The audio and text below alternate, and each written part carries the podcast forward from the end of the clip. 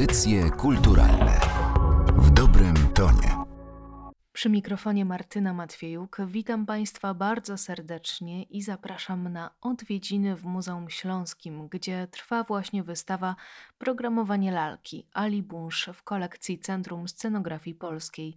Naszą przewodniczką będzie jej kuratorka Jolanta Niedoba. Dzień dobry. Dzień dobry Państwu. Porozmawiamy dzisiaj o Teatrze Lalek, a to za sprawą projektu, który stworzyli Państwo w Muzeum Śląskim. Zacznijmy od tego, co jest przedmiotem ekspozycji. Inspiracją do powstania tej y, wystawy był zeszłoroczny zakup bardzo dużej kolekcji projektów y, Alego Bunsza. Y, kupiliśmy zarówno projekty do Teatru Lalek, jak i teatrów dramatycznych. Postanowiliśmy przybliżyć publiczności Muzeum Śląskiego tą kolekcję i oczywiście samą sylwetkę Alego Bunsza. Nie pokusiliśmy się o przygotowanie wystawy retrospektywnej, natomiast wydawało nam się ciekawsze przedstawienie projektu artystyczno-edukacyjnego traktującego o kulisach teatru lalek. Zabawa w teatr i demistyfikacja kulisów teatru lalek to podstawa do kształtowania wrażliwości przyszłego, świadomego widza. Od dziecka taką zabawę, takie kształtowanie uważam, że należy podejmować.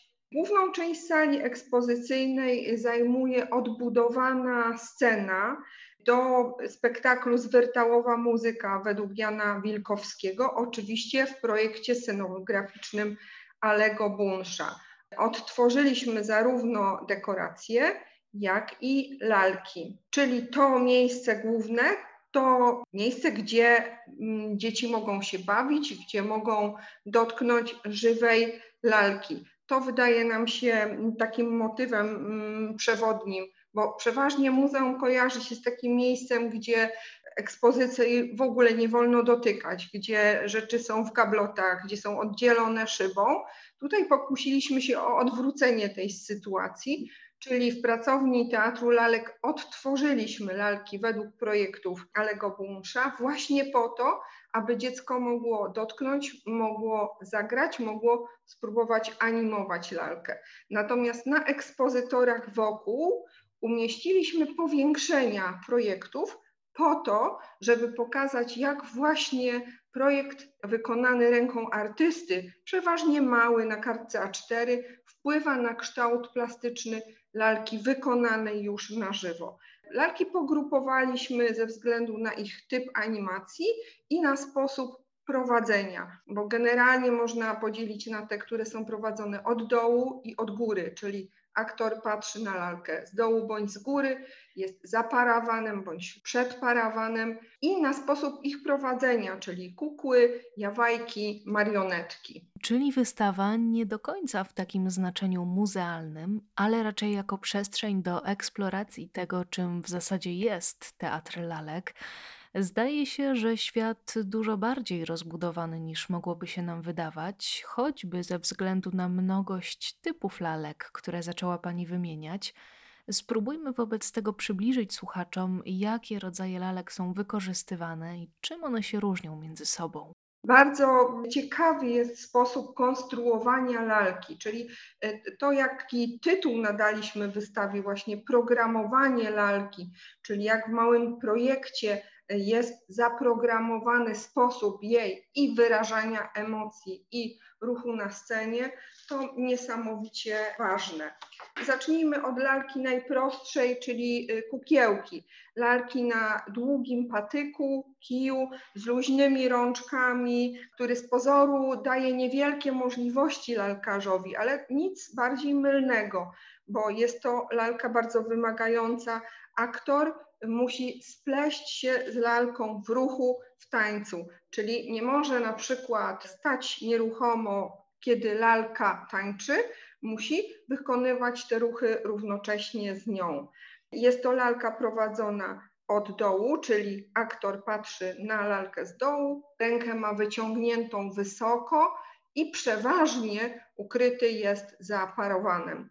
Bo warto tutaj też e, wspomnieć, że mm, za czasów wczesnej twórczości Alego Bunsza e, istniał ten ścisły podział na parawan i plan żywy, i plan lalkowy, czyli artysty, animatora i lalki jako głównego bohatera. Później bardzo często się to zacierało. Dorman, nasz twórca związany ze sceną w Będzinie, zdecydowanie odszedł od tego modelu podziału przestrzeni scenicznej na parawan i na przestrzeń otwartą. Tradycyjne kukły bunsza nawiązują jeszcze i są poruszane w tej przestrzeni z parawanem. Pewną odmianą kukły jest lalka płaska, wycięta po formie, poruszana za pomocą sztywnego kija, najczęściej używana w teatrze cienia.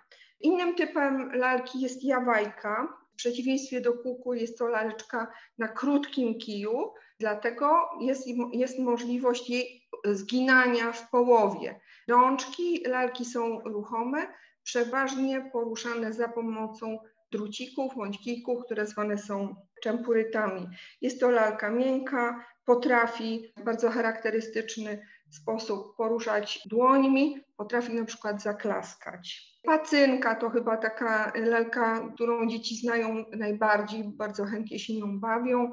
Mm, lalka poruszana za pomocą palców lalkarza, główka osadzona przeważnie na palcu wskazującym, przypominająca rękawiczkę. Jest to bardzo mięciutka lalka i jako jedyna potrafi precyzyjnie chwytać przedmioty, ponieważ osią jej animacji jest dłoń lalkarza. Również pewnym wariantem tej lalki jest lalka e, żyworęka, to tak jakby połączenie pacynki i kukły, czyli e, główka lalki na kiju bądź na ręce lalkarza, a druga dłoń lalkarza widoczna w dużym rękawie. Taka ciekawostka, lalka przeważnie ma cztery palce. I lalka marionetka, najbardziej skomplikowana, poruszana za pomocą systemu sznurków bądź drucików umieszczonych na krzyżaku.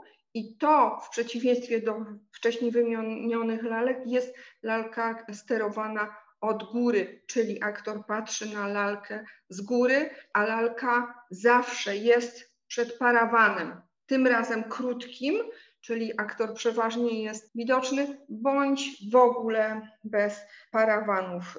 Taką odmianą lalki mm, marionetki jest lalka sycylijka, która do głowy ma przytwierdzony sztywny drut połączony z krzyżakiem. To tak najprościej o tych lalkach, bo oczywiście ich wariantów, ich kombinacji jest bardzo dużo. Jest jeszcze oczywiście maska, są lalki teatru Bunraku, teatrów wschodnich, które bardzo często w naszym teatrze goszczą, ale jeśli chodzi o twórczość Alego Bunsza, to raczej trzymał się tych najprostszych a najbardziej charakterystyczną dla niego jest kukła o takiej lekko pochylonej głowie z bardzo uproszczonymi rysami twarzy, a szczegółami oddanymi w kostiumie. Najchętniej posługiwał się kukłą i jawajką. Jeżeli dobrze kombinuję, ta lalka o uproszczonych rysach twarzy jest nazywana lalką typu polskiego? Tak, tak zwana polska lalka,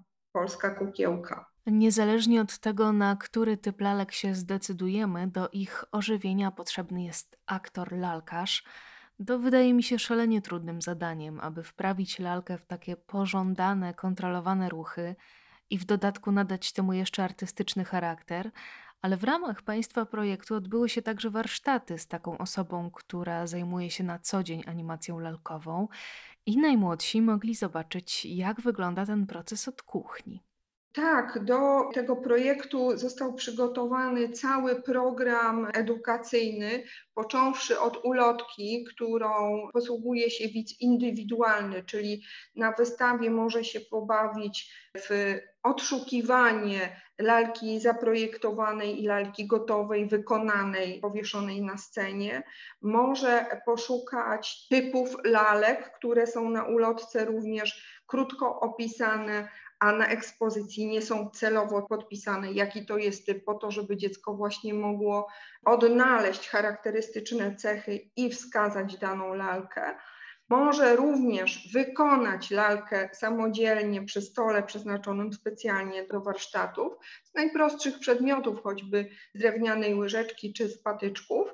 Najbardziej ekscytującym, można powiedzieć, jest spotkanie z samym animatorem. Mieliśmy przygotowany cały program pod nazwą Sobota z animatorem, gdzie profesjonalny aktor, lalkarz prezentuje dane typy lalek i przedstawia etiudę. Odbyło się niestety tylko jedno spotkanie, bo obecnie w reżimie sanitarnym mamy duże utrudnienia i wszelka działalność edukacyjna od wykładów po zajęcia została niestety wstrzymana. No, mamy nadzieję, że do końca trwania wystawy, czyli do 3 stycznia, może jeszcze się coś zmieni. Nieco o tych kulisach dowiedzą się Państwo ze zdjęć i ilustracji wystawy, które znajdują się pod opisem podcastu, a ja chciałabym jeszcze porozmawiać o postaci samego Alego Bunsza, ponieważ mówi się o nim, że odegrał on bardzo dużą rolę w kształtowaniu polskiego teatru lalek. Jakie cechy jego twórczości dziś się wyróżniają i co możemy zaliczyć do kręgu jego inspiracji? Ali Bunch to jeden z najwybitniejszych scenografów w powojennej Polsce. Jak wcześniej wspomniałam, związany zarówno z teatrem dramatycznym, jak i z teatrem lalkowym, a swoje inspiracje czerpał zarówno ze świata folkloru, z baśni, ale również z dziecięcej wyobraźni, z taką świadomością stosunku dziecka do lalki. Urodził się w Bielsku, co bardzo ważne w rodzinie artystów. Ojciec był malarzem i dramaturgiem, dziadek był rzeźbiarzem, wuj powieściopisarzem. Studiował malarstwo i scenografię w Akademii Sztuk Pięknych w Krakowie. Co niesamowicie ważne, działał w podziemnym Teatrze Niezależnym Tadeusza Kantora w 1933 i 1934 roku. Taka ciekawostka, niedawno kupiliśmy od rodziny maskę z tego spektaklu, którą własnoręcznie wykonał Ali Bunsz i najprawdopodobniej on w niej grał, bo być może była to również używana przez innych aktorów. To taki niesamowicie cenny i ciekawy nabytek Centrum Scenografii. W 1957 roku Bunsz po raz pierwszy połączył lalki z żywym planem w pastorałce Schillera i to było takie jego dosyć, dosyć sztandarowe przedstawienie. No jak wspomniałam, że był uznawany za twórcę polskiego typu lalki, kukiełki. Zrealizował blisko 200 spektakli lalkowych, które charakteryzowały się niesamowitą barwnością, wprowadzeniem tańca, wprowadzeniem mm, ruchu. Bardzo często były to przedstawienia o dużej ilości lalek. I były to zarówno przedstawienia historyczne, jak i czerpiące z folkloru. Sporo było przedstawień nawiązujących do kultury Dalekiego Wschodu, inspirowanych baśniami na przykład koreańskimi, gdzie właściwie widz w latach późnych 50. czy 60. całą wiedzę na temat egzotyki czerpał, można powiedzieć, z tego teatru lalek. Ja zwróciłam uwagę na zdanie przytoczone w jednej z ulotek dołączonych do wystawy. Jest to myśl Petera Schumana.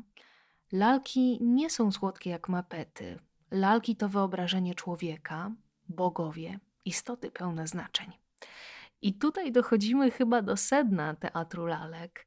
Co w Pani odczuciu stanowi o jego niepowtarzalności? Teatr lalek to w ogóle kopalnia zarówno dla dzieci, ale i dla dorosłego widza, kopalnia znaczeń bo przede wszystkim w teatrze dramatycznym mamy do czynienia z pewnym, oczywiście w dużym cudzysłowie, uproszczeniem głównego bohatera, E, natomiast w teatrze lalek mamy całą gamę bohaterów. To może być e, zwierzę, to może być duch, to może być roślina, to może być góra, to może być postać fantastyczna, to może być postać alegoryczna i nie tylko opowiedziane o niej, jak to w teatrze dramatycznym bywa, że bohaterem jest rzeka, którą przywołujemy w warstwie słownej.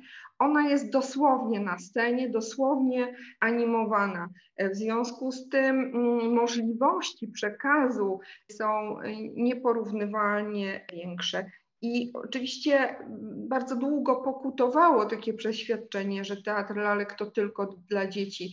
Mam nadzieję, że w tej chwili już tak to nie funkcjonuje, ponieważ lalkę czy kukłę, czy marionetę wprowadzali na swoje sceny wielcy tego teatru plastycznego, jak Szajna czy Kantor. Dlatego właśnie mówimy, że lalki to wyobrażenia człowieka, bogowie, istoty pełne znaczeń, a w nowoczesnym podejściu do sztuki teatralnej, w sensie teatru lalkowego, mówimy o tym, że lalka jest samodzielnym bytem, a nie tylko zabawką czy wyobrażeniem człowieka. Czy sama kukiełka czy pacynka nie jest wyobrażeniem, a samodzielnym bytem gotowym do przekazania nam wielu ważnych wiadomości i wartości. A jak mają się współcześnie teatry lalkowe w Polsce? One są skierowane również do dorosłego widza, prawda? Myślę oczywiście o funkcjonowaniu w czasach pozapandemicznych. Tak, oczywiście. No, czasy pandemiczne są bardzo trudne, bo no, nie mamy zorganizowanego widza i to dotyczy zarówno muzeów, jak i teatru lalek. Uważam, że, że mamy duży renesans, zwłaszcza tutaj u nas na Śląsku, gdzie bardzo blisko pracujemy z czy teatry lalek pracują z kolegami z Czech, gdzie wiadomo, że sztuka lalkarska czy reżyseria lalek jest na bardzo wysokim poziomie. Pani Jolanta Niedoba gościła dziś w audycjach kulturalnych przy okazji wystawy w Muzeum Śląskim nieco o magicznym miejscu, jakim jest Teatr Lalek.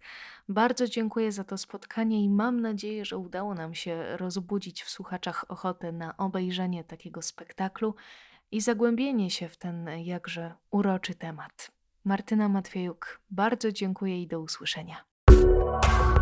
Audycje kulturalne w dobrym tonie.